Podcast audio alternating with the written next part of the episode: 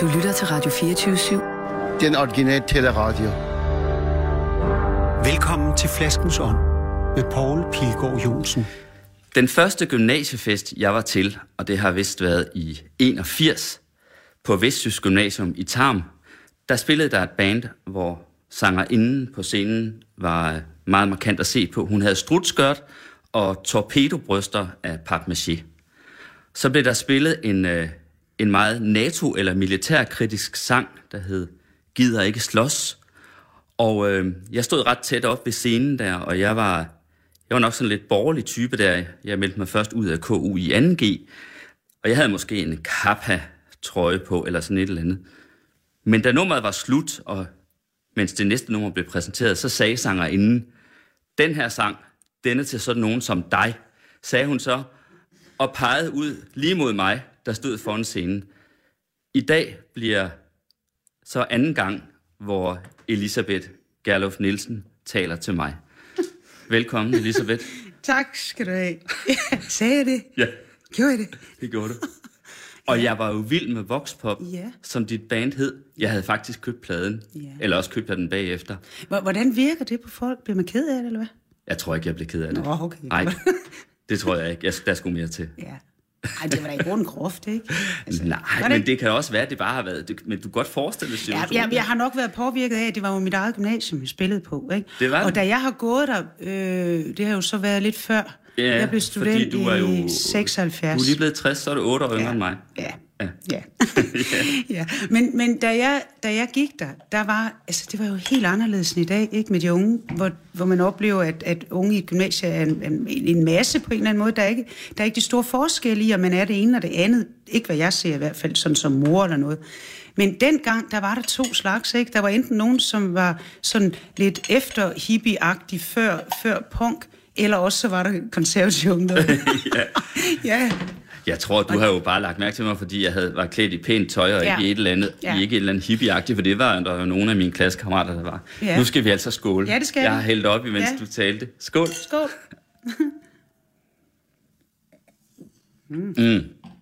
Og du har jo selv bestilt, hvad vi skulle have. Ja, det har Og jeg. der var overhovedet ikke nogen diskussion. Jeg prøvede faktisk at overtale dig lidt til, om vi skulle prøve at tage en anden champagne, fordi Mhm. Jeg har haft den her i programmet et par gange før. Ja. Men nej, det skulle være Boulanger. Ja. Hvorfor? Jamen, jamen det, være det er jo ikke fordi, at jeg kender alle champagner i verden, desværre. Altså, mm. jeg, jeg ville gerne have det overskud, at ligesom kunne, kunne tage en ny hver gang, ikke? For at prøve noget nyt, det har jeg meget mod på, men, men jeg, jeg, jeg, jeg tror, det er noget med, at den, altså det virkningen, ikke? Altså, den, jeg ved bare, at den virker på Den virker på dig? Ja. Hvordan den virker? Den virker bare sådan ligesom... Øh, den, man bliver ikke tung. Altså, i, i, da jeg var ung, så, så når man gik til, til fødselsdag og sådan noget, så bestod serveringen af, at man kom om eftermiddagen, så fik man lavkage, så lidt senere begyndte man at drikke whisky og sådan noget. Ikke? Og folk blev bare så fulde på sådan den der tunge måde. Mm. Jeg tror, der er meget forskel på, hvad for en rus man, man får. Mm. Og det er ikke, fordi jeg drikker særlig meget, men når jeg så skal have mig en rus, så vælger jeg den lidt med omhu. Mm. Det er også noget, jeg prøver at lære mine børn. Altså, det der med at blande alt muligt sammen, ikke? det bliver man som regel dårlig af. Og hvis det kun er øl, så bliver man sådan lidt aggressiv. Og der er nogle rødvin, det bliver man bare sådan lidt tung af, ikke i store mængder. Der er sådan en som den her, den kan jeg, til min egen 60 fødselsdag, der drak jeg kun den. Og det gør jeg, hvis jeg går til en god fest, så tager jeg selv med nogle Så gange. skåler vi lige igen Ja. allerede nu. Ja, Skål. skål. Ja. Så sidder vi altså her i kanappen, to mennesker, Paul Pilgaard på den her side af bordet, og, og den ærede gæst, Elisabeth Gerlof Nielsen. Og grund til, at vi har gået på samme gymnasium, er jo selvfølgelig, at vi kommer fra det samme område. Du er fra Skjern, mm-hmm. og jeg er fra Sønderfælling, 20 km derfra. Og, og Vestjysk Gymnasium i Tarm var jo altså så det sted, man gik. Ja. Vi har talt om det gymnasium og om Skjern før, fordi den, øh, i programmet, der blev sendt den 17. november, der havde jeg besøg af din bror, Peter A.G. Ja. Og øh, ja, vi snakkede en del om Skjern. Det var rigtig sjovt, og jeg har egentlig på en måde lyst til at fortsætte samtalen med dig om det. Ja. Øh, hvordan, øh, hvordan det har været for dig. Også ja. fordi jeg har en eller anden fornemmelse af, at, at stedet, der hvor du kommer fra, det betyder ret meget for dig. Stadigvæk, selvom du har boet i København længe. Ja, det gør det også. Eller hvad? Jo, Jeg altså... ved ikke, hvorfor jeg har den fornemmelse, men Jo, men det, det, det, det ved jeg. Måske kan man mærke, det er noget af det, jeg skriver og sådan. Mm. Det kan man jo tit på, på forfatter, synes jeg. jeg. Jeg har meget, der er mange norske forfattere, jeg rigtig godt kan lide at læse, altså samtidsforfatter også tidligere, som er så påvirket af den der norske store natur og mm. sådan, ikke? Og det kan man godt mærke nogle gange, synes jeg, når man, når man øh, er publikum til deres, deres skrifter og sådan. Jeg ved ikke, men, men jeg har nok også øh, flere gange øh, prist, ikke mindst den vestjyske natur, mm. ikke? Den, den, øh, den råhed, jeg synes, der på, på en eller anden måde er over det sted, jeg kommer fra. Altså, vi boede jo tæt på Vesterhavet i virkeligheden. Ikke? Mm. Jeg har også tilbragt alle mine sommerferier, der var man altid enten i, i Søndervig, som er ved Ringkøbing. Eller altså, henne.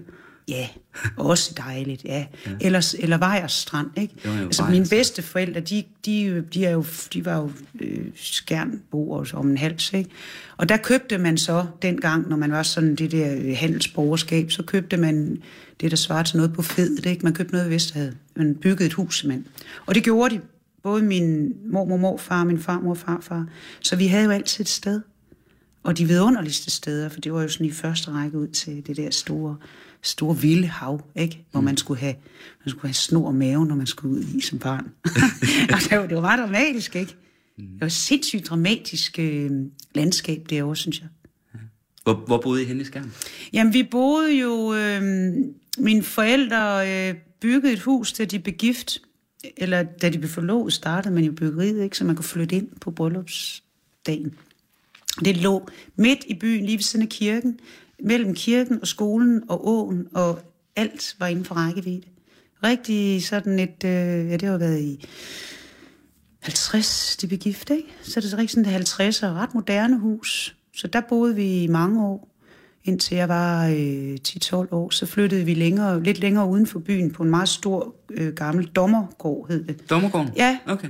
Kæmpe, kæmpe Ja. ja. fire længere bindingsværk, meget, meget smuk gård. Åh oh, ja, Ja, et meget smukt sted faktisk. Men og det kan jeg- Lige ned til Skjern præcis. Det talte, det talte din bror, Ja. Peter A.G., faktisk også om. Og når jeg nævnte datoen før, så er det jo fordi, at man kan, hvis man har lyst, gå ind og podcaste den udsendelse, eller en af de mange hundrede, der efterhånden Ja. øh, ligger i, øh, i rækken af flaskens ånd. Og øh, man er også i øvrigt velkommen til at følge mig på Facebook, eller blive venner med mig, hvis man har lyst til at se billeder af gæsterne, fordi før du går, Elisabeth, så har jeg tænkt mig at tage et billede af dig og lægge ud den søndag, hvor programmet bliver sendt med en beskrivelse af, hvad det egentlig er, vi snakker om. Hvis egentlig du skulle bestemme, hvad du skulle snakke om, hvad vil du synes var, synes var det, det mest interessante?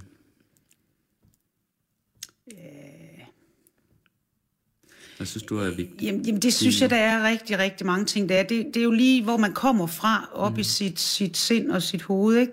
Altså, jeg er faktisk, i dag er jeg faktisk lidt optaget af en, et, noget, jeg læste i går, noget, noget gammel Henrik Pontoppidan, øhm, som er en, en lille roman, der hedder Minder. Har du læst den? Nej. Nå, men, men af en eller anden mærkelig grund, jeg ved ikke, om du læste Pontoppidan i gymnasiet, Øh, jo, det gjorde vi. fordi jeg undrer mig lidt over, det synes jeg ikke, jeg gjorde rigtigt. Så meget af det har jeg læst selv, og så er jeg sådan begyndt at vende tilbage til, så han en utrolig øh, fremragende mm. dansk forfatter, virkelig, som er meget nutidig også. Ikke?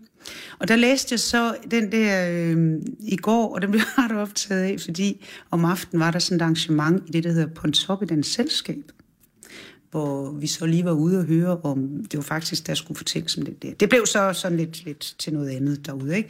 Men, men øh, du ved, det, det som, som optager mig, og det jeg får lyst til at tale om med mennesker, det er jo faktisk det, jeg sådan lige har siddende øh, under huden, fordi jeg lige har oplevet noget, eller fordi jeg lige har, har været interesseret i noget, eller der er noget, der, der har fanget mig.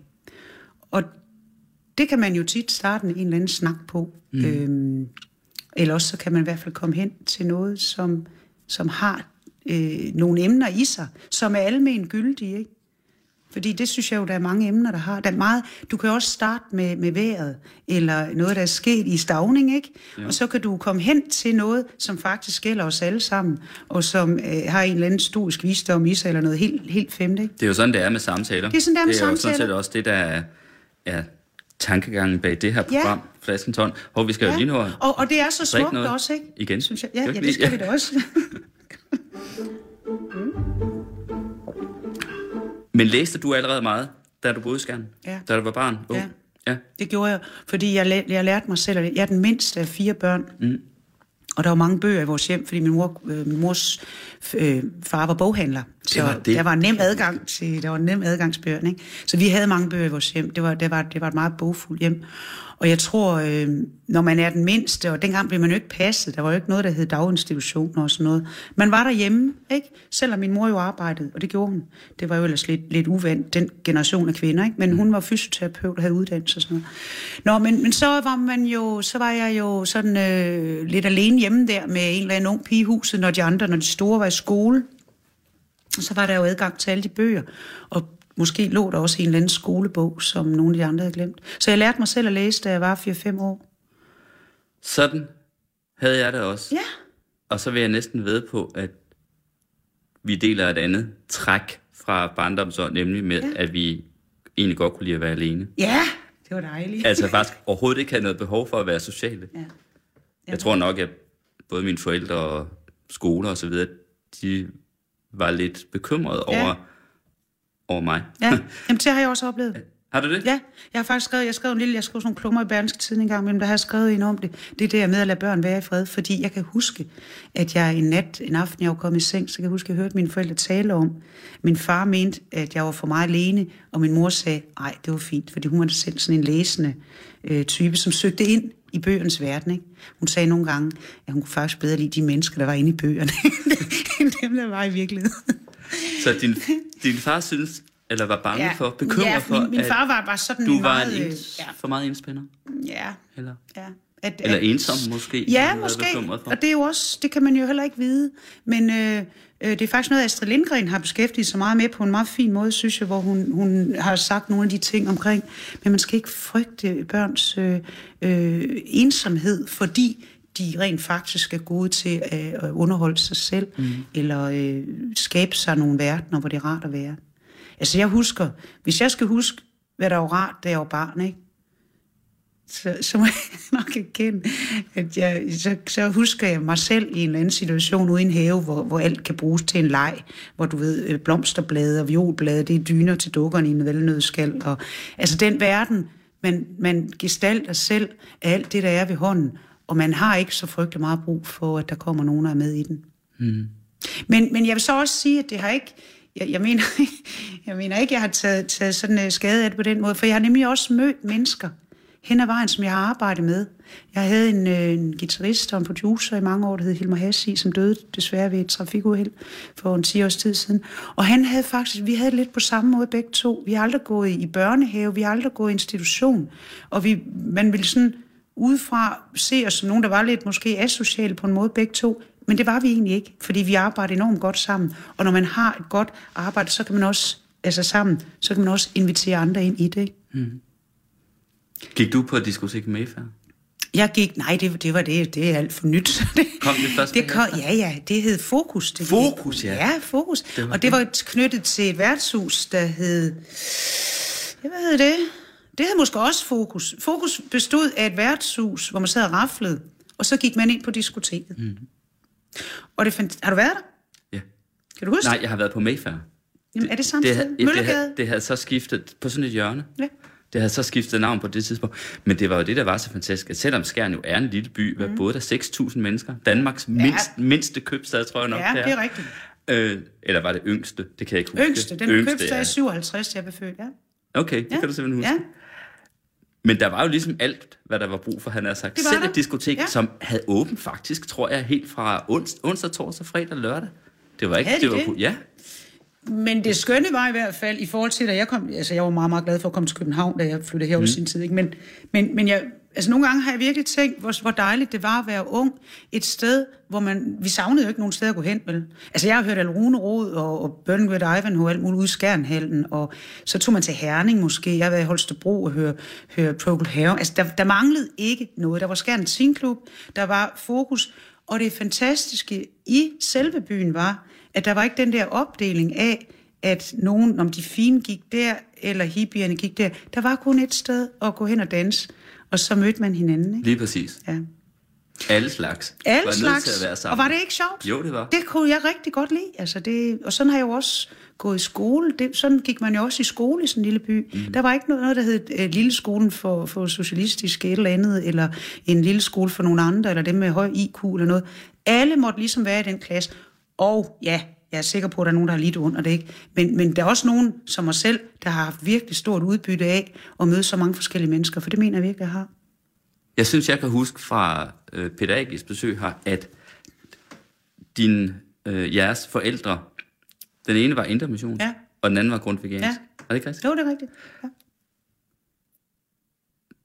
Hvem er... Ja. Hvilken, af, hvilken side hældede, eller hælder du mest til? Jamen, jeg, øh, sådan med alderen, så tror jeg, jeg ser mig selv mere og mere som et, øh, en god blanding af mine forældre. Mm. Og det er jo ikke kun, altså når vi taler intermission og grundveganisme, så taler vi om, at de kom fra hjem. Altså min fars hjem var intermissionsk i den grad, ikke? Mm. Det var så intermissionsk, så, så altså, da min, da min øh, farmor døde uventet i København, så, øh, så da man kom hjem, og hun var blevet begravet hele, så fandt man sådan en kasse med, en æske hedder det, med et fint øh, dueblåt silke negligé, som hun, skulle, hun havde skrevet et skriftsted til på et lille stykke øh, kort, som hun skulle have på i kisten, mm. fordi hun skulle møde sin øh, gom, kan man sige. Ikke? Sådan er det jo i den indre mission, eller i nogen måde at se på, på det der Guds øh, Kristus forhold på. Ikke? Altså det er så bogstaveligt. Og sådan var det i min fars barndomshjem. De måtte ikke gå i biografen. Det var, det var ikke der, man mødte Jesus, som det hed. Men du måtte gerne gå på Det måtte, fokus. Ja, det måtte vi godt. Jeg har dog oplevet, at min far kom ned og hente mig en gang. I sådan en lodenfrak ud over pyjamas. Det var ikke så sjovt. Men, men de var, det, de var forskellige på, var som en ikke bare... Det var selvfølgelig det, det religiøse op, altså det, de kom fra, ikke? Men de var meget sindsmæssigt forskellige, og inter, altså med interesser, med, med tilgang til... Altså for eksempel opdragelsesmæssigt var de forskellige på den måde, at min mor jeg havde engang klippet nogle, nogle, de havde nogle lange, meget fine gardiner. Min far var meget med kvalitet og sådan noget, ikke? Og så havde de sådan nogle gardiner, der løb helt ned over gulvet. Og der havde jeg siddet og klippet nogle de der blomster, som var mønstret ud af dem med min lille saks der som 4-5 år. Ikke? Og det var jo, min far blev virkelig skuffet og rasende. Han havde brugt mange penge på de her gardiner. Ikke? Min mor så det som kreativ øh, gave. Hendes barn havde stor kreativitet. Ikke? Stor forskel i opdragelse. Min mor mente ikke, det skulle straffes. Min far mente, man skulle have påtale for det der. Ikke? Det, er jo, det er jo meget forskellig tilgang. Mm.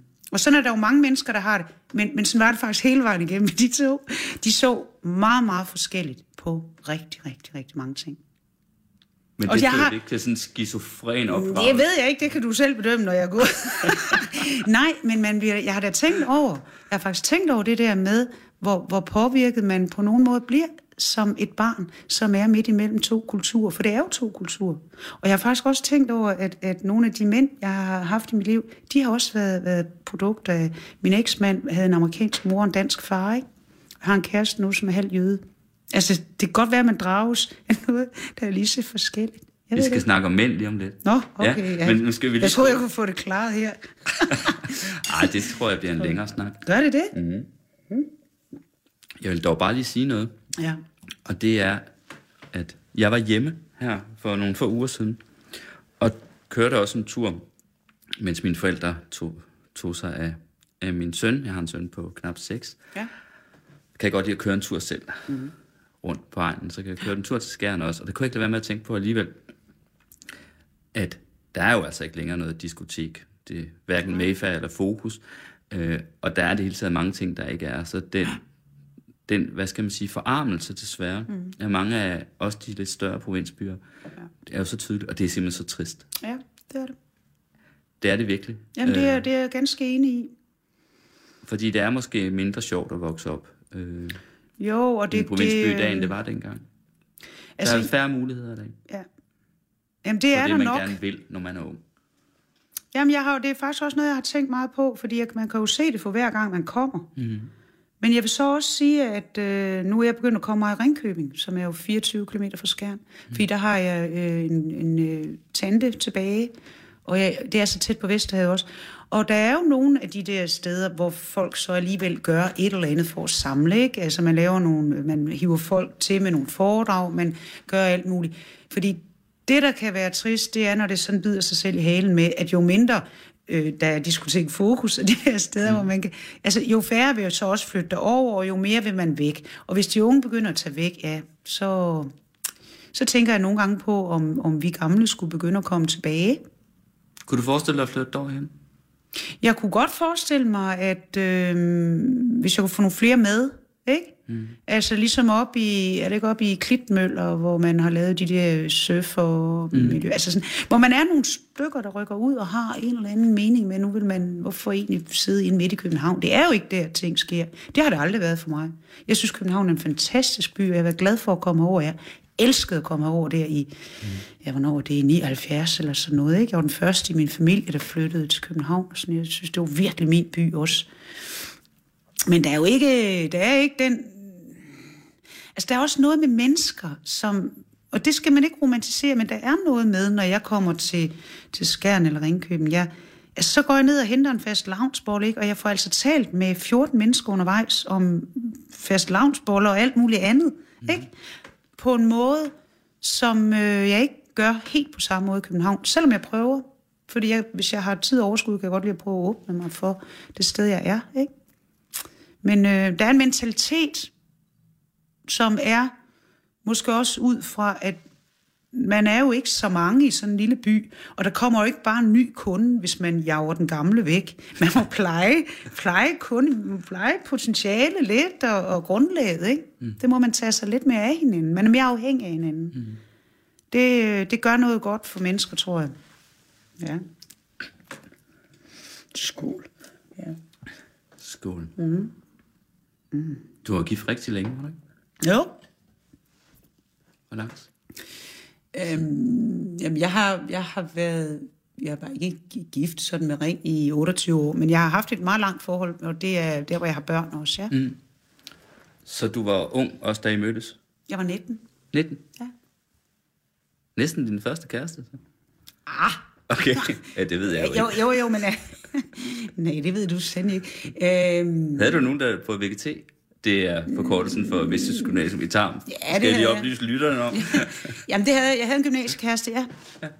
Som jeg flyttede i kollektiv med efter, øhm, altså da man flyttede hjemmefra, ikke flyttede til Aarhus. Der flyttede jeg i kollektiv med tre, tre mænd, jeg havde gået i, i gymnasiet med, og så havde jeg petroleumsovn, som jeg hele tiden skulle hente de der dunke for at få et bad. Ja. Nej, men det... det øh, så flyttede jeg jo til København der i... Ja, nej, det var jo 78 allerede. Mm. Jeg var lige omkring Aarhus, ikke? og så flyttede jeg til København, og så mødte jeg min, min øh, eksmand der, da jeg var 19. Ja. Var det en skuffelse for dig at blive skilt? Mm, ja, det er det da altid, er det ikke det? det kan jo i hvert fald, eller er jo forhåbentlig da en sorg, eller hvad ja, man skal sige, men der det findes også nogen, der får, måske betragter det som en skuffelse, altså hos nogen kan det direkte udvikle sig til en vis bitterhed over for den ja. måde, livet er gået Nej, det har jeg ikke. Ja? Det, det, det, det, det kan nej. Øhm,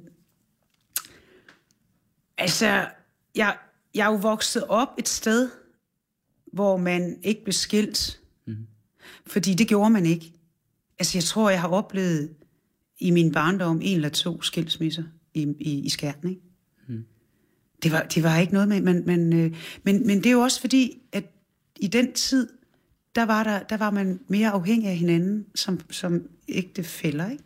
Man havde måske forretning sammen, som, og det hele ramlede jo, hvis man... Mange kvinder havde jo ikke noget, altså hvis de blev skilt, så... Øh, mm. De havde ikke uddannelse, de havde ikke deres egen indtægt. Så det var jo ikke en, en mulighed på samme måde. Og det er der garanteret noget godt i. Øhm, men der er også noget, noget dårligt i det på den måde, at hvis du fra starten har været øh, placeret forkert, eller hvad man skal sige, ikke, så, øh, så var det jo, du prisgivet på en eller anden måde. Mm. Jeg, jeg ved ikke, hvad jeg skal sige om skilsmisser egentlig, fordi jeg, øh, for nogen er det rigtigt at blive skilt, for nogen er det forkert. Jeg, jeg mener selv, at jeg... Øh, det tror jeg faktisk, min eksmand vil give mig rigtig meget ret i. Ikke? Jeg, jeg kæmpede meget for det ægteskab.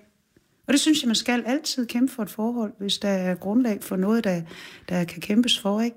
Men man kan også kæmpe så længe, så, så ja, det kommer der ikke noget sådan nødvendigvis noget godt ud af.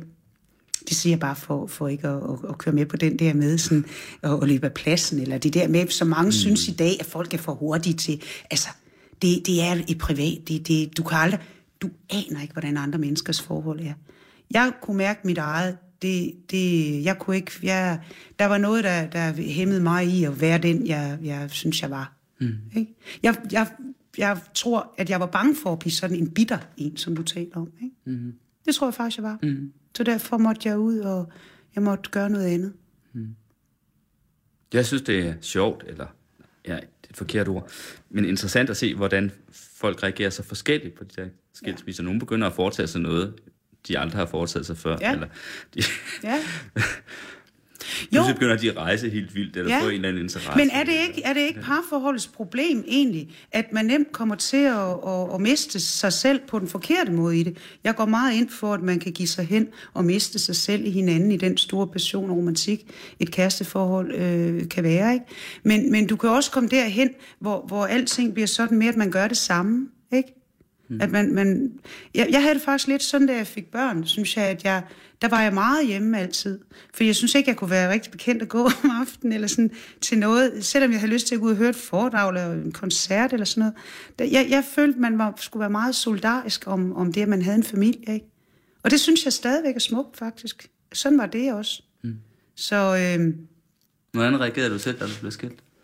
Jamen, jeg, gik, jeg, jeg tænkte, okay, det var, det var ligesom kærligheden i mit liv. Ikke? Det var, nu har jeg... Øh, Det tænkte du? ja. Altså, nu har jeg fået alt det i 28 år, og to børn, og, øh, og vi er ikke... Vi, vi er ikke vi hader ikke hinanden, og der er ikke nogen nye partner for nogen af os, det er ikke sådan der. Så øh, flyttede vi hver for sig, og jeg brugte det første år på at indrette mig som mig selv. Altså, øhm, Altså sådan med ting, møbler og sådan noget? Ja, med, ja, Hvordan med skulle alt. det se ud? Nå, men det skulle bare være, være sådan, jeg synes, det var rart at være der. Mit hjem, ikke? Mm. Min, min nye familie, som var mig. og så mine børn, når de var der, og når de ikke var der, og de var jo ret store, da vi blev skilt, ikke? Men altså, øhm, Hey, ja, har, har du ikke lavet et nummer, der hedder En Lykkelig Familie? nej, Med Voxpop dengang? Ej, jeg har, nej, det har jeg ikke. Jeg sidder næsten, jeg kan den Jeg har, hovedet, nej, jeg har lavet en, der hedder Stress, Love og sådan noget, og jeg har forholdt mig til det der sådan, jagten på et lykkeligt familieliv. Nej, der er der, der er der et nummer med Voxpop, der, hvor omkvædet er mm, En Lykkelig Familie. Nej, nej, nej, det er en dårlig Mm. undskyld. Det er rigtigt. Det er en Nu dårlig... stopper du, ja. ja, undskyld. Nej, det gør ikke noget. Men jeg, jeg kan den der Ja. NATO-krigssang der. Ja, det kan. Os, for Og vi gider ikke slås. Ja, det er rigtigt. Ingen bomber her hos os. jeg købte sgu den plade bagefter. Ja, og så tænkte det var sjovt, for jeg, jeg kunne simpelthen ikke huske, at den faktisk kom på en plade. Det når det blev beskrevet til en anden radio. Det gjorde den. Ja. Nå, du skulle Nå, have et rigtig ja. hyggeligt og trygt hjem. Nej, jeg skulle bare, øh, jeg skulle bare, ved du hvad, jeg, jeg tror, jeg skulle tilbage til, øh, til der, hvor jeg var før, øh, var i et, i et fællesskab eller et ægteskab, ikke? Øh, sådan kan jeg også godt have det som 60-årig faktisk. Nogle gange tænker jeg, når, når jeg, hvordan bliver man gammel? Vi har jo nogle mærkelige rollemodeller for at blive gamle. Altså mine forældre døde, da de var 52, eller 72 og 73, så jeg har jo ikke set dem blive gamle på den måde. Og så tænker jeg nogle gange, at øh, jeg vil egentlig gerne tilbage til, til der, hvor jeg var, da alting var renest og mest uskyldigt som, som et barn, ikke? Men bare i en voksen krop og med voksne interesser, det vil sige øh, tilbage til at sidde og læse og sidde og tegne og sidde og sy og strikke. Jeg kan godt lide at lave alle de der ting og bage og lave mad og øh, se film og høre musik og sådan, ikke? Og sådan havde jeg det også, da jeg tror jeg. Jeg skulle lige tilbage til der, hvor man var sig selv, ikke? Ubevidst, så søg, søgte jeg derhen. Så jeg havde et år, hvor jeg ikke så nogen, nogen specielt mange mennesker, eller øhm, jeg var ikke specielt social heller. Jeg havde noget, jeg kaldte en blå stol. Det var faktisk en stol, jeg arvede hjemme fra mine forældre. Øhm, hvor jeg satte mig hen og hørte nogle bestemte øh, Johnny Cash-sange og sådan noget. Ja. Jeg kørte radioen på det, der hed Radio Soft. Det kunne jeg også godt lide. Det var en hel kanal, der spillede sådan nogle tårpærser og sådan. Fordi det var så meget, så man kun kunne rejse sig fra det. Soft er simpelthen Ja, så for meget. ja, det jeg var- har også haft det var så for meget. bilradioen i min Ja. bil indstillet Ja, på det det. var- Nu det var- står den på Radio ja. 24. Altså nogle gange kan det, kan, ja, nogle gange kan det blive så meget soft, ikke? så man er nødt til ligesom at... Ja, det er virkelig For nogle ellers, tårepærser. ja, for ellers så skal man jo tage det modsatte. Man skal jo tage den, den modsatte. Så skal man høre noget, noget hæftigt, ikke? Eller Mm. noget. Men øh, Hvad skete der så efter det? Jamen, så, så var sørgeåret jo omme, kan man sige, og så, øhm, jamen, så begyndte jeg at orientere mig mere ud af, så savnede jeg, begyndte jeg at savne mandligt selskab, faktisk. Mm. Det havde jeg ikke regnet med, at jeg ville komme til. Jeg troede egentlig, at jeg sådan... Øh, jeg ved sgu ikke, hvad jeg troede. Du troede, du skulle lukke ned? Nej, jeg tror ikke, jeg skulle lukke For- ned. Jeg troede mere, at jeg havde fået min, min del. Ikke? Altså, Ja. Det kan man jo godt tro efter så langt. Og på mange måder godt ægteskab. Ikke? For det var et meget, der var meget støtte og loyalitet og sådan. Øhm, nej, Kastede så du dig så ud i en masse? kastede mig i grumsen. Gjorde du det? Det er, der jo, det er jo Nej, ikke noget det- uset fænomen. Jamen, det, det er sjovt. Jeg, jeg lægger mærke til forskellige. Jeg er lidt ved at få sådan et, et image som den nye, nye Jørgen Let, bare som kvinde. Eller, eller. Men jeg sådan, Er som du om det? Jeg, ja, det lægger jeg mærke til. at Folk sådan, fordi jeg har den alder, jeg har, tror jeg. Så tænker tænker jeg sådan, Nå, men har hun haft flere forskellige mænd og sådan noget? Ja, det har hun da. Men jeg tror, jeg grundlæggende har det sådan, ikke? At jeg... Øh, altså, jeg, jeg, jeg holder meget mandligt selskab. Mm. Og det gør jeg. jeg. Jeg jeg har det sådan som kvinde, at jeg, øh, selvom jeg er vokset op i en tid, hvor der skete meget for kvinder, ikke? altså sådan på feministisk vis, og, og søster, søster solidaritet og sådan, alle de der ting. Jeg har også veninder, men jeg holder meget mandligt selskab. Jeg holder meget af, at der er nogen, der ikke er ligesom mig selv. Mm. Jeg kan godt lide, at, at jeg får den form for modspil, eller at verden bliver set fra et andet sted med min, min samtalepartner, eller hvem det nu er, jeg er sammen med. Og det, det kom jeg også til at savne, da jeg blev skilt, ikke? Mm. Altså at have den der dimension i mit liv. At, at jeg havde, ja. Jeg har faktisk skrevet et, øh, et citat af dig ned her, som ja. jeg fandt, før du kom. Ja. læste. Hvor du skriver, jeg dur ikke til de sociale mediers smuksak helvede, hvor kvinder i en jævn strøm liker og ja. angler efter kunstig anerkendelse. ja. Jamen, øh, det, det er jo også... Der er noget ved et kvindeunivers der, som du ikke bryder dig så meget om. Nej, jeg synes, jeg Eller tror, hvad? nej, jeg synes egentlig ikke, kvinder er hinanden værst. Okay. Men jeg synes nogle gange, kvinder stiver hinanden af på en, på en måde, som er lidt overfladisk, ikke? Mm. Det er sådan, ej, hvor er den fin, altså, øh, om et eller andet, der ikke er det alligevel. Eller, Eller det, smuksak. ja, eller den der med øh, fællesskabet omkring, hvor tåbelige mænd er, ikke? det, den, den mærkede jeg jo meget som ung, allerede sådan i gymnasiet, også med, med mænd, der var, ah, ham der, han er, en- han er sådan der, han er en kustiv, han er alt muligt. Han, altså, øh, som, som sådan nogle ting, man kunne have sammen som kvinder, ikke? En verden, man kunne dele. Den har jeg ikke haft så meget brug for, tror jeg. Fordi jeg synes, det var sådan lidt lige meget, ikke? Og, og jeg, jeg følte egentlig heller ikke, man, man, man trøstede hinanden altid sådan rigtig specielt godt, bare fordi man var samme køn. Altså, jeg kunne få lige så meget trøst af en god ven en mand, som, som så det overfra, hvor han oplevede ting som mand. Ikke? Sådan har jeg det stadigvæk. Men jeg har også været sammen med altså mange mænd arbejdsmæssigt, skulle jeg hilse at sige, med i orkester og sådan noget. Der får man tit en vis, et vist frisprog med hinanden, ligesom sådan en fodboldhold eller noget, som jo er en meget mandverden i virkeligheden. Ikke? Og der havde jeg jo en god rolle i det fra starten, fordi at det var mig, der ligesom var sangskriveren, og mig, der var, var frontfiguren og sådan så. Og, øh, det betød, at jeg fik respekt øh, fra de mænd, jeg var sammen med. Ikke? Det var ikke noget med, at jeg bare var et lille øh, bælam, eller sådan en, en, der skulle krænkes eller noget. Jeg, jeg fik en respekt, synes jeg, som jeg har været meget øh, glad for at få mm. fra mænd. Jeg synes, jeg har rigtig mange gode, gode mændebekendtskaber. Ikke? Godt Jeg skal lide- lige huske ja. at spørge. De der bryster, du havde på, Ja, torpedobrysterne Ja. på scenen, ja. dengang der, Ja. da I rejste rundt som band, der, hvordan laver man dem? Jamen, jeg tror, jeg lavede dem med øh, ja, noget, noget pap, simpelthen, ligesom kræmmerhus, ikke? Ja, nu sagde Og- jeg papmaché, Ja, ja, det sagde det du nemlig. Jeg forestiller mig, og det er tænkte, jeg jeg Jeg ved ikke, om det egentlig var det. Jo, det var i hvert fald pap.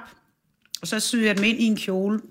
Øh, om jeg så fodrede noget inde i, det kan jeg ikke huske. Men det var noget... noget, noget, noget, noget Meget spidse bryster, det må man sige. Det var det, ja. Det var det bestemt, ja. Og det er utroligt, hvad, hvad folk har lagt... Men det blev vel sådan en slags mareværk, mareværk, varemærke for Voxpop, gjorde det ikke det? Jo, At det var faktisk efter... Jo, det, jo, der var mange ting i Voxpop allerede med tøj og sådan noget. Men det var fordi, at tiden var meget, og det kan du selv huske, ikke? Tiden var jo meget sådan ungdomssort. Ja. Ikke? Man Præcis. følte sig truet af hvad som helst. Og derfor havde man sådan som regel ikke så meget overskud kunstnerisk til at true igen med noget, noget festligt, eller med noget øh, grænsespringende på den måde. Det var rygvendt, og med skuldertaske, og, og, og grå et eller andet stor kavaj købt nede i Frelsens her, når folk ellers optrådte, mange af de orkester, som er samtidig med Voxpop, ikke? Mm. Og der, det, jeg forstod det ikke helt, fordi at jeg, jeg synes, det var så mærkeligt, at hvis man havde noget, man ville sige folk, eller give folk, eller man skabe en stemning, ikke? Så synes jeg jo ikke, man kunne komme ligesom i, i det der vadmel, altså. Så synes jeg jo, at man, man må ligesom kalde... Klæde ud? Ja, Eller? ja klæde sig ud. Og, og det, det er jo også en del af det, ikke? Men jeg, det var en ting, jeg synes, at man skulle gøre noget for at skabe, ligesom at gå til fest i en flot kjole, ikke? Og så var det også masken i det, selvfølgelig. Fordi den har jeg også brugt meget i, i den tid, jeg har lavet musik, ikke? At man kunne... Du, man skal, du ved, det var Karen Bliksen, der sagde det, at du skal kende mig på min maske, ikke? Altså, man skal kunne se igennem masken. Men man starter ligesom med, at der er en maske, mm. man skal igennem. Og det er der jo noget meget øh, interessant og, og, og smukt i, for det betyder jo også, at man ikke sådan bare tager den første øh, mulige mening om et menneske ved, og tænker, at det, han er den type, ikke? Den der overfladiske bedømmelse, vi jo ofte har af hinanden. Mm. Så det kan kunsten jo godt sådan, øh, det er jo sådan noget, David Bowie og alle mulige andre også har arbejdet meget med, ikke? Altså sådan, ja, det der, de visuelle der, ikke? Og, og det var den der kjole med brysterne. Jeg havde aldrig forestillet mig, at der skulle komme så meget snak ud om det. Det havde jeg virkelig ikke. Altså, jeg var ikke så bevidst om det der. Men jeg har været drevet af, at der er ingen grund til at gøre verden mere sort, end den er. Det har jeg. Selvom du har en sort Jamen, jeg, kjole jamen den er ikke sort. overdel Ja, den er ikke sort nederdelen. Den er grøn. Skål.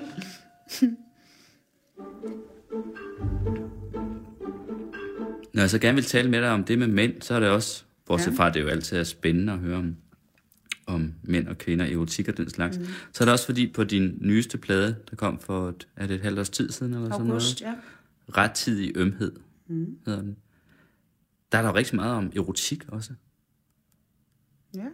Ja. Altså, det spiller tydeligvis en stor rolle Ja, for dig. ja, det gør det vel for alle i Ja, et det eller gør det. omfang. Men det er øh, sjovt, fordi- Men du er i hvert fald... Øh, Ja. du, vi er jo ikke tilbage for at, for at skrive om det. Her i teksterne. Jamen, jeg tænker det da ikke som... Øh... Jeg tænker jo poesi som poesi, mm. som sanselighed, som skønhed. Og det er jo en... Øh... Det er jo et område, som der er meget brug for, synes jeg, at man ikke bare skal skrive ned om og fortælle om, eller, men man skal, vi skal bare huske det. Altså det, som er det, det skønne og det smukke i tilværelsen. Altså jeg har lige siddet og tænkt på, nu har jeg jo lavet mange ting for børn også, ikke? Altså hvor, hvor meget smukt børn, eller hvor lidt smukt børn egentlig får, sådan er påvirkninger i dag. De sidder og ser, ser X-Factor, ikke? Altså, de skal jo, jeg, jeg synes jo, børn skal ned i nogle verdener, hvor der er mm. blomster og kager og alt det, som i voksenverdenen for eksempel er repræsenteret ved det erotiske, eller mm. ved det sanselige, ved alt det, som, som gør alt andet i verden mindre betydeligt. For det er jo det smukke ved den verden, for mig. Mm. Det gør alt andet i verden mindre betydeligt eller, eller Ja. betydningsfuldt. Ja, sådan er det for mig. Mm. Og derfor kan man jo sige, altså det du gør, det er jo sådan set en besyngelse Ja. af lysten og begæret. ja, jo. ikke? Du gør på den der plade. Jo, og, og, men, men jo også en, en erkendelse af, at, at når man går ud nogle steder, hvor, hvor man ikke ved, hvor dybt vandet er, eller øhm, så sker der nogle ting, som også gør verden større, og man risikerer sig selv mm. i nogle sammenhæng. Og, og det er jo det, der også gør, gør hele det erotiske område, hele det sanselige, hele det seksuelle og kærlighedsfulde, alt det der, gør det farligt for mange mennesker. Fordi man risikerer at miste sig selv i det, eller at man risikerer, at, at det i virkeligheden er anderledes, end man troede det hele. Og at der er ting, der er ubetydelige, som man ellers var gået så meget op i, noget med, hvad for nogle møbler man skulle have, eller i sit hus. Eller, jamen, sådan, sådan synes jeg, det er. Altså, det smukke i tilværelsen, det, det er sanselige, ikke? Det mm. sætter det andet. Det sætter alt det andet, som vi jo jager meget i vores kultur, ikke? Altså sådan status og forbrug og alle de der klassikere, det, det, bliver jo, det bliver jo sådan lidt formindsket, når du går ind i et seriøst kærligheds- og erotisk forhold. Det gør det i hvert fald for mig. Heldigvis.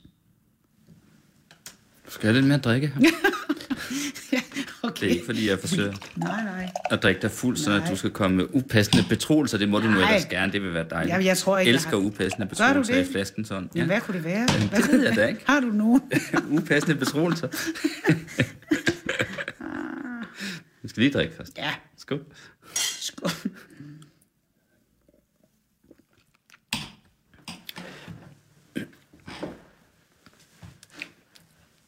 Jeg Nej, kunne jo sige du noget kan. upassende. Nej, så Ja. siger du først. Nej, jeg sidder bare og tænker på hele det der med, øhm, altså når man taler erotik, og man taler om de der ting, ikke, så er det som om, at det er så underligt låst fast i vores kultur til noget med noget sex eller noget. Ikke? Altså for mig er det jo meget bredere. Det er sanseligheden. Det er at have det med i sit liv, som gør, at det er de ting, som er små og, og øhm, måske har med kroppen og har med, med, ja, har med berøring og har med noget andet at gøre, end alt det der målen og vejen, og hvad tid skal jeg være der, og hvor mange likes har jeg fået. Ikke? Altså, det, det er jo et kæmpe område i menneskelivet, mm. som man jo godt kan forsvinde ind i, hvis det er det. Det har man jo heldigvis lidt lov til, når man er poet. Ikke? Men det er da en stor del af menneskelivet, som øh, man har lov til at give sig hen til. Jeg er da sikker på, at verden ville være et lidt skønnere sted, hvis vi alle sammen gjorde det. Ja. Ja. Det er jo stort emne at tale om, for det fungerer på så mange planer. Ja. Der er også mennesker, der lukker ned for hele den del af Ja. tilværelden i lang tid. Ja. ja nogen for altid. Ikke? Ja, jo. Nogen åbner den måske slet aldrig. Ja. Nej, men nogen får den heller ikke åbnet. Nej, det var det. Og det kan man jo åbne hos hinanden. Det kan man også gøre ved at sidde og drikke champagne en almindelig eftermiddag, eller spise en utrolig dejlig flødeskumskage. Men alt det, som er sanseligt, det er jo sådan noget, vi, vi i vores protestantiske kultur er en smule bange for indimellem også, ikke? Fordi det var nogle gange bedre at gå, gå ned og få sig en omgang fitness, så man kunne have, have god samvittighed bagefter. Mm. Der er vi jo ret asketiske på mange områder, synes jeg. Vores tid, vores kultur, er vi ikke? Det upassende, jeg måske kunne bemærke her, mm. øh, og, og det tror jeg, man kan få mange slag for at sige, og, fordi det er en fordom, jeg giver udtryk for her. Men der er garanteret mange, der tænker, at det er egentlig ikke min. Og det skyldes jo bare, at jeg selv er ved at komme godt op i årene, og ved, hvordan det er, Ja. og stadig er, og slet ikke er øh, spor forskelligt fra, hvordan det altid har været. Men nogen vil jo sige, at når man bliver 60, så er det usædvanligt, at en kvinde besynger erotikken så voldsomt, og, mm. og også kaster sig øh, så meget ud i, øh, i jagten på mænd, så, så hvad var det? Man bliver til en kvindelig åndelet, var det sådan, du var blevet kaldt? Jamen, jeg skal jeg lige, nu skal jeg lige ind her, fordi det var faktisk noget, der også kom bag mig, da jeg udsendte den her plade med de her sange, vi taler om, som ja, de har meget, øh, de, det, det, det, der er meget krop i dem også, ikke? Mm. Øhm, Mange jeg- huller, kan jeg se. Jeg Mange sidder huller med, er der også, ja. Jeg sidder med teksterne Ja, ja, her der- foran mig, ja, i hvert fald et ja. par af dem. Jamen, der, der var den, det første interview, jeg lavede omkring den plade, der var der nemlig en, der sagde mig, jamen, hun var nærmest overrasket over, ikke, at en kvinde på 60 skrev sådan. Og nu lyder jeg, som om jeg er, er øh, helt uskyldig. Men det kom bag på mig, seriøst. Fordi det oplever jeg jo ikke som noget mærkeligt. Altså, jeg regner ligesom med, så længe jeg, jeg finder glæde ved nogle områder i livet, som er sanselige og erotiske og alt det der, så har jeg da tænkt mig at, at dyrke det. Men det betyder da ikke, at jeg ikke øh, øh, gør alt muligt andet og står og, og hamrer i noget derhjemme og øh, laver mad og gør... Jeg har da et liv ved siden af. Det er det, jeg mener. Der bliver man let placeret. Og det er sådan en Jørgen Let ting, ikke? Altså, som han jo også på en eller anden måde er blevet Ja, jeg placeret tror som sådan Jørgen, en, han den store... andet end jamen, at- jamen, det er der, der er nogen, der ikke troede på et tidspunkt. Han har ikke lavet andet måske end at rejse rundt i verden og kokkens datter. Fakt, noget. faktisk knatter han vist slet ikke længere, Nej, har han sagt i der kan du bare se. nylig. Men Ja. det gør du stadigvæk så. ja, det gør jeg da. Selvfølgelig gør det. Selvfølgelig gør det. Men, men jeg siger bare, det er jo interessant, ikke? De der billeder, vi laver af hinanden. Og der kan man hurtigt få sådan et billede af, at når man er 60 år, jamen så er det nærmest som om man er ude og jage mændene, fordi man skriver en sang, hvor man bruger nogle begreber for den verden. Altså, det, det, det er ikke sådan, det har været i mit liv, vil jeg sige. Men jeg giver mig hen til, hvis jeg går ind i nogle forbindelser, hvor, hvor, hvor, hvor der er sanselighed. Ja. Ja, ja. Og det er både med, med kunst og sex og mænd og, og kager og whatever. Kunst, mænd, sex, kager. Champagne, Champagne. broderi, Broderi. gamle danske haveblomster. Gamle danske haveblomster. Ja. Hvad kan vi komme på mere? Ja, jamen hvad som Øhm, helst, ikke? Altså, er som, du kan se, hvis du kigger der rundt her i, i hjørnestuen, hvor kanappen er, så...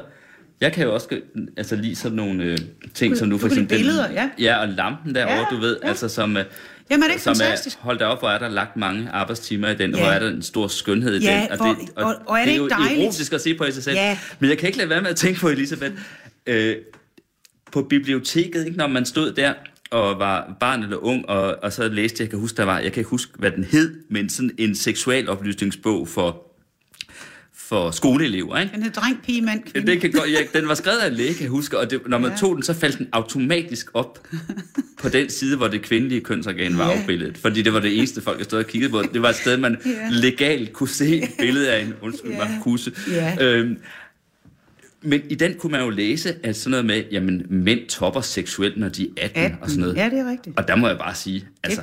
det er ikke rigtigt, eller hvad? Nej, det er det da overhovedet ikke. Nej. Altså tværtimod vil jeg sige, øh, for nogen kan det måske nærmest være en stedse opadstigende linje. Prøv at, det er da Så der er, mange, der er mange forestillinger om, hvordan seksualitet og alder hænger sammen. Det er bare det, jeg forsøger at sige Ja, ja. faktisk. Altså, øh, Ja. Ja, og det er da også så fuldstændig bedøvende ligegyldigt, ikke? Fordi det, det handler om, det er, om man vil have en sanselig dimension i sit liv eller ej. Det er det for mig. Om man vil give sig hen til det, eller at man har mere travlt med at få skravet penge sammen, eller få noget andet. Ja. Det er noget med værdier. Og det er noget, som... som øh, det har også... Altså, når jeg har, er optaget af den verden, så er det fordi, jeg også vil have lov til at vise som kvinde, at man ikke bare er en, en prinsesse, der ligesom skal gøres det og det og det ved at, uh, så sagde han også, og i nej, så tog han mig i hånden. Og, altså, jeg synes, der er meget af det i tiden, ikke? Det har jeg også skrevet om, nogle af de der klummer. Jeg synes, der er meget af det i tiden også, og det var der også, da jeg var ung i 70'erne på Vestjysk Gymnasium Tarm, hvor vi gik i meget brede fløjtsbukser og store træskostøvler og alt det der. indtil du smed dem og tog strutskørt og, Ja. Og hvad Ja. hedder det, spidse bryster Ja, på, det ikke? gjorde det er jo fordi det, der er jeg, har ikke, jeg har ikke haft nogen, jeg har ikke haft noget problem med, mit, med at være kvinde. Nå. Jeg har oplevet selvfølgelig, at mænd synes, de var meget klogere end mig. Men det har jeg så tilgivet dem. det har jeg levet med at tilgive dem. Og jeg har oplevet selvfølgelig, ligesom man, man støder ind i folk, som, som er de kloge, og det har man også oplevet i musikverden, især i studiet, ikke? Og, nej, det der teknik, det har du ikke forstand på sådan noget. Men jeg har oplevet rigtig, rigtig mange dejlige ting med mænd. Og derfor har jeg ikke det der øh, billede af, at det ligesom er sådan nogen, som vil, vil, vil en noget dårligt, eller vil tage noget fra en, eller bare vil udnytte en, eller det nogle billeder, som opstod meget i 70'erne, synes jeg, med altså fjendebilledet, som vi ser blomstre helt vildt nu, ikke? Mm. omkring MeToo-bevægelsen. Og det, det synes jeg faktisk personligt er ekstremt trist. Det synes jeg. Jeg har fuld forståelse for, at kvinder eller mænd for den sags skyld, som har følt sig overgrebet og har følt sig krænket og alt det der, og har, har følt sig misbrugt, fordi det er der også øh, alt muligt af. Det har jeg fuld forståelse for, at man reagerer på, og at man øh, kæmper imod. Men jeg synes, vi skal passe på, at den, altså, den der grøft mellem kønnene ikke skal op, og, og, eller skal ikke skal graves ud igen, for det har jeg i hvert fald ikke brug for. Altså. Og jeg, jeg synes ikke, det er sådan. Og det kan jeg også sige som 60-årig. Jeg synes vidderligt ikke, at jeg kan komme med nogle rigtig dårlige historier om, hvordan mænd har forsøgt at, at gøre ting med mig, som, og, eller forfølge. Altså, det synes jeg ikke. Jeg synes, at man selv som kvinde øh, må, må vedkende sig, at man også er et menneske, som har lyst, og som øh, holder af sanselighed, og, og de der, af hele den verden. Og at man ikke, altså, det bliver nemt sådan en fremstilling af kvinder som nogen, i nej, det der, det er slet ikke noget for mig, men der er hele tiden nogen, der vil have mig til det. Ikke? Ja. Sådan har jeg det ikke som kvinde. Jo, det er den ene del af det. Den, Ja. den anden del af det er jo, at, hvad skal man sige, på en måde er det jo også lidt blevet et ideal nu, at, at øh, kvinder har skulle overtage en, hvad skal man sige, meget udfarende seksualitet, Jo. som har været tillagt mænd tidligere, ikke? Jo, Øh, selvom man også kan spørge om, hvorfor den egentlig har været det. Ja. Men øh, ja, og så, har, så har, har, mange kvinder garanteret lidt under det der med, at altså det mandlige kvindesyn, det der luderen eller madonnaen, mm. ikke? Så er du en af delene, og hvis du kommer og, og fortæller en, en mand, at du har, har haft så og så mange partnere, så er du ikke et interessant emne som hustru, vel? Fordi mm. at der skulle du helst være, altså sådan er det jo bare, ikke? At, Tror at du mænd, virkelig, det er sådan? Ja, det tror jeg sgu et eller andet sted meget, det er. Okay. Jeg tror meget, det er sådan, at hvis mænd selv kunne bestemme, så ville de helst have en, der både var, var prostitueret i sine gerninger og, og, og øh, hellig i sin familiemæssige Okay. øh, funktion, ikke? Altså, jeg Men det skulle- tror jeg. Jeg vil gerne have mig frabedt nogle ja. jomfruer, vil jeg så sige. Okay. Nej tak. Ja, Skål. Ja. Nå, men du ved, man kan jo være det på mange måder, ikke? Jeg forstår, jeg er godt klar over, at det ikke er et spørgsmål om, om Og prøv om er intakt, Nej, hvis den og så vil jeg også sige, at det billede kan man jo godt... Øh, jeg kan godt øh, genkende det som kvinde. Med den opsplitning kan man jo også godt begynde at lave som kvinde på mænd. Med at der er nogen, som man taler så, så, så virkelig godt med, og dem har man et fint forhold til på den måde. Ikke? Og så er der nogen, og de, de gør, hvad man siger. Og, sådan. og så er der nogen, som er mænd på, på en mere instinktiv mandlig måde, og de vil have, og de tager, og de er styret af deres drifter. Og det er også dejligt. Og det er jo det, som forvirrer mænd, og det kan jeg virkelig godt forstå i tiden, ikke? At øh, først sidder deres kvinder og ser 50 Shades of Grey i en uendelighed og læser alle de der bøger, ikke? Og så går de ind og skriver en, en, en, en hilsen i deres blog om MeToo, hvordan de ved. Altså, hvordan skal man næsten gebære sig i det, ikke? Nu sidder du og gestikulerer meget, Elisabeth. Ja. Og jeg kan Det- ikke lade være med at... Prøv lige at løfte din øh, arm der igen, eller din arm. Jeg Ja. kan ikke lade være med at se den. Den ring, du har Ja. på der, det ligner en hvilesesring, Ja. men, men det er en dobbeltring. Altså, der er ligesom to, der er smeltet sammen. Hvad er det? Ved du hvad? Det er en ring, som jeg har lavet til mig selv en gang. Okay. Fordi jeg havde Du en har vi- giftet dig med dig selv, simpelthen. Nej, det vil jeg ikke sige, jeg har haft. Det lyder ikke godt. Det lyder som om, det ikke... Nej, det lyder ikke godt. Nej, da jeg blev skilt, så øh, jeg havde faktisk en hvilesesring, hvor vi havde samlet noget guld fra begge familier og smeltet sammen. Gammel guld, ikke? Som man havde gamle armbånd, et eller andet. Så man havde smeltet sammen til to ringe, som vi så fik en hver. Det var faktisk ikke så rart at tage den af, for den repræsenterede jo så meget andet også. Ikke? Tilbage og slægt og... Så jeg, øh, jeg havde lidt armbånd fra mine sådan, øh, bedste mødre, som de havde givet mig som barn og sådan noget. Så jeg lavede en ny ring. Jeg tog hvilesesringen af, så lavede jeg en ny ring. Og det er den her, og så fik jeg skrevet indeni, det var ikke ved. Og det, der ikke var ved, det er jo både sorgen over det, som ikke var ved, men det er jo også glæden, når man har en. Så dybest set siger man til sig selv, tag det, når det er der. Fordi der er jo ikke noget, der var ved. Hverken øh, sorgen, glæden, fiaskoen, sejren. Der er ikke noget af det, der ligesom vil blive der. Så man må være i den, når det er der. Okay. Men så Nyd kan jeg jo næsten regne ud, at, at det må, den har du fået lavet lige omkring det tidspunkt, hvor du så rent faktisk fik en blodprop Ja, i hjertet. Det har jeg jo læst mig Ja, til. det er rigtigt, ja. Som er ret kort tid efter skilsmissen. ja. Ja, det har nogenlunde nogle samtidig. Den her kom lidt før, tror jeg. Mm. men men det, er, det, er, det kommer faktisk fra øh, sådan nogle, der var nogle romerske kejsere, som de havde sådan en tradition med at have sådan en ring, mm. hvor det stod indeni. Du er jo kommet rigtig øh, godt over den blodprop. Jeg Mm. aner ikke, om du har nogen for, former for følge overhovedet, men man kan i hvert fald hverken se det eller mærke det. Øh, Ah, men jeg har været meget heldig på den måde, ikke? mm. Ja. Synes du egentlig, det har forandret noget? Ja. Hvad? Jamen, jeg synes, det har... Øhm, det har gjort, det, det gjorde noget, noget, øh, det gjorde noget for mig på den måde, at jeg, jeg blev bedre til at overgive mig til at være svag. Altså være, være en, der ikke var usårlig, og en, der ikke var udødelig, og en, der måske kunne tillade sig at bede om en lille smule hjælp og omsorg. Mm. ja, altså det havde jeg, jeg, havde, jeg har sgu klaret mig selv meget i den her verden, ikke? Jeg har gjort ting meget selv. Også fordi jeg startede så tidligt med det der musik, og jeg var lederen af orkester og sådan noget, ikke? Mm. Og det, det, det gør jo, at man nemt bliver sådan altså kontrolagtig også, for at tingene skal fungere. Ikke? Og den side er jeg glad for, fordi den er god at have. Det gør, at man får gennemført ting, ikke? og ting bliver til noget. Men det er jo også hårdt for dig selv, fordi at du nemt sådan ligesom kommer til at tænke, at Nå, jeg kan lige så godt gøre det selv, fordi de andre, det tager for lang tid, eller de kan ikke, og ah, ja, får de nu også lavet og sådan noget. Ikke? Der, der måtte jeg overgive mig til, at der var nogle andre, der, der måtte tage over. Og det, det havde jeg det sådan set ret godt med. Altså det der med, jeg, jeg er jo heller ikke sådan en, der går ind og diskuterer, hvad for noget medicin man skal have, eller om man nu skulle gøre noget andet. Hvis folk siger til mig på et sygehus, så gør du sådan, sådan, sådan, så gør jeg det. Og det har været godt for mig at gøre, fordi det gjorde, at jeg så kom igennem det der på en tålelig måde, ikke? Mm. Ja. Det kunne jeg egentlig godt tænke mig at høre noget mere om. Ja, Men, øh, Men det er- det kommer ikke til, det er? fordi... det, det er noget med at, at tage vilkåret, ikke? Mm. Det du ikke kan lave om på. Det er stoisk filosofi. Der er ting, du ikke kan lave om på, mm. det må du leve med. Men det er fordi tiden er gået, Ja. At jeg ikke kommer til at høre mere om det. Ja. I hvert fald ikke så længe, så længe det bliver optaget. Og det var jo Ninette Birk, som, øh, som sad her som producer.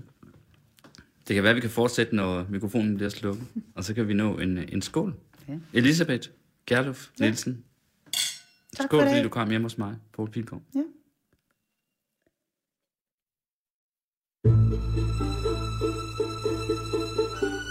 Du lytter til Radio 24 /7. Om lidt er der nyheder.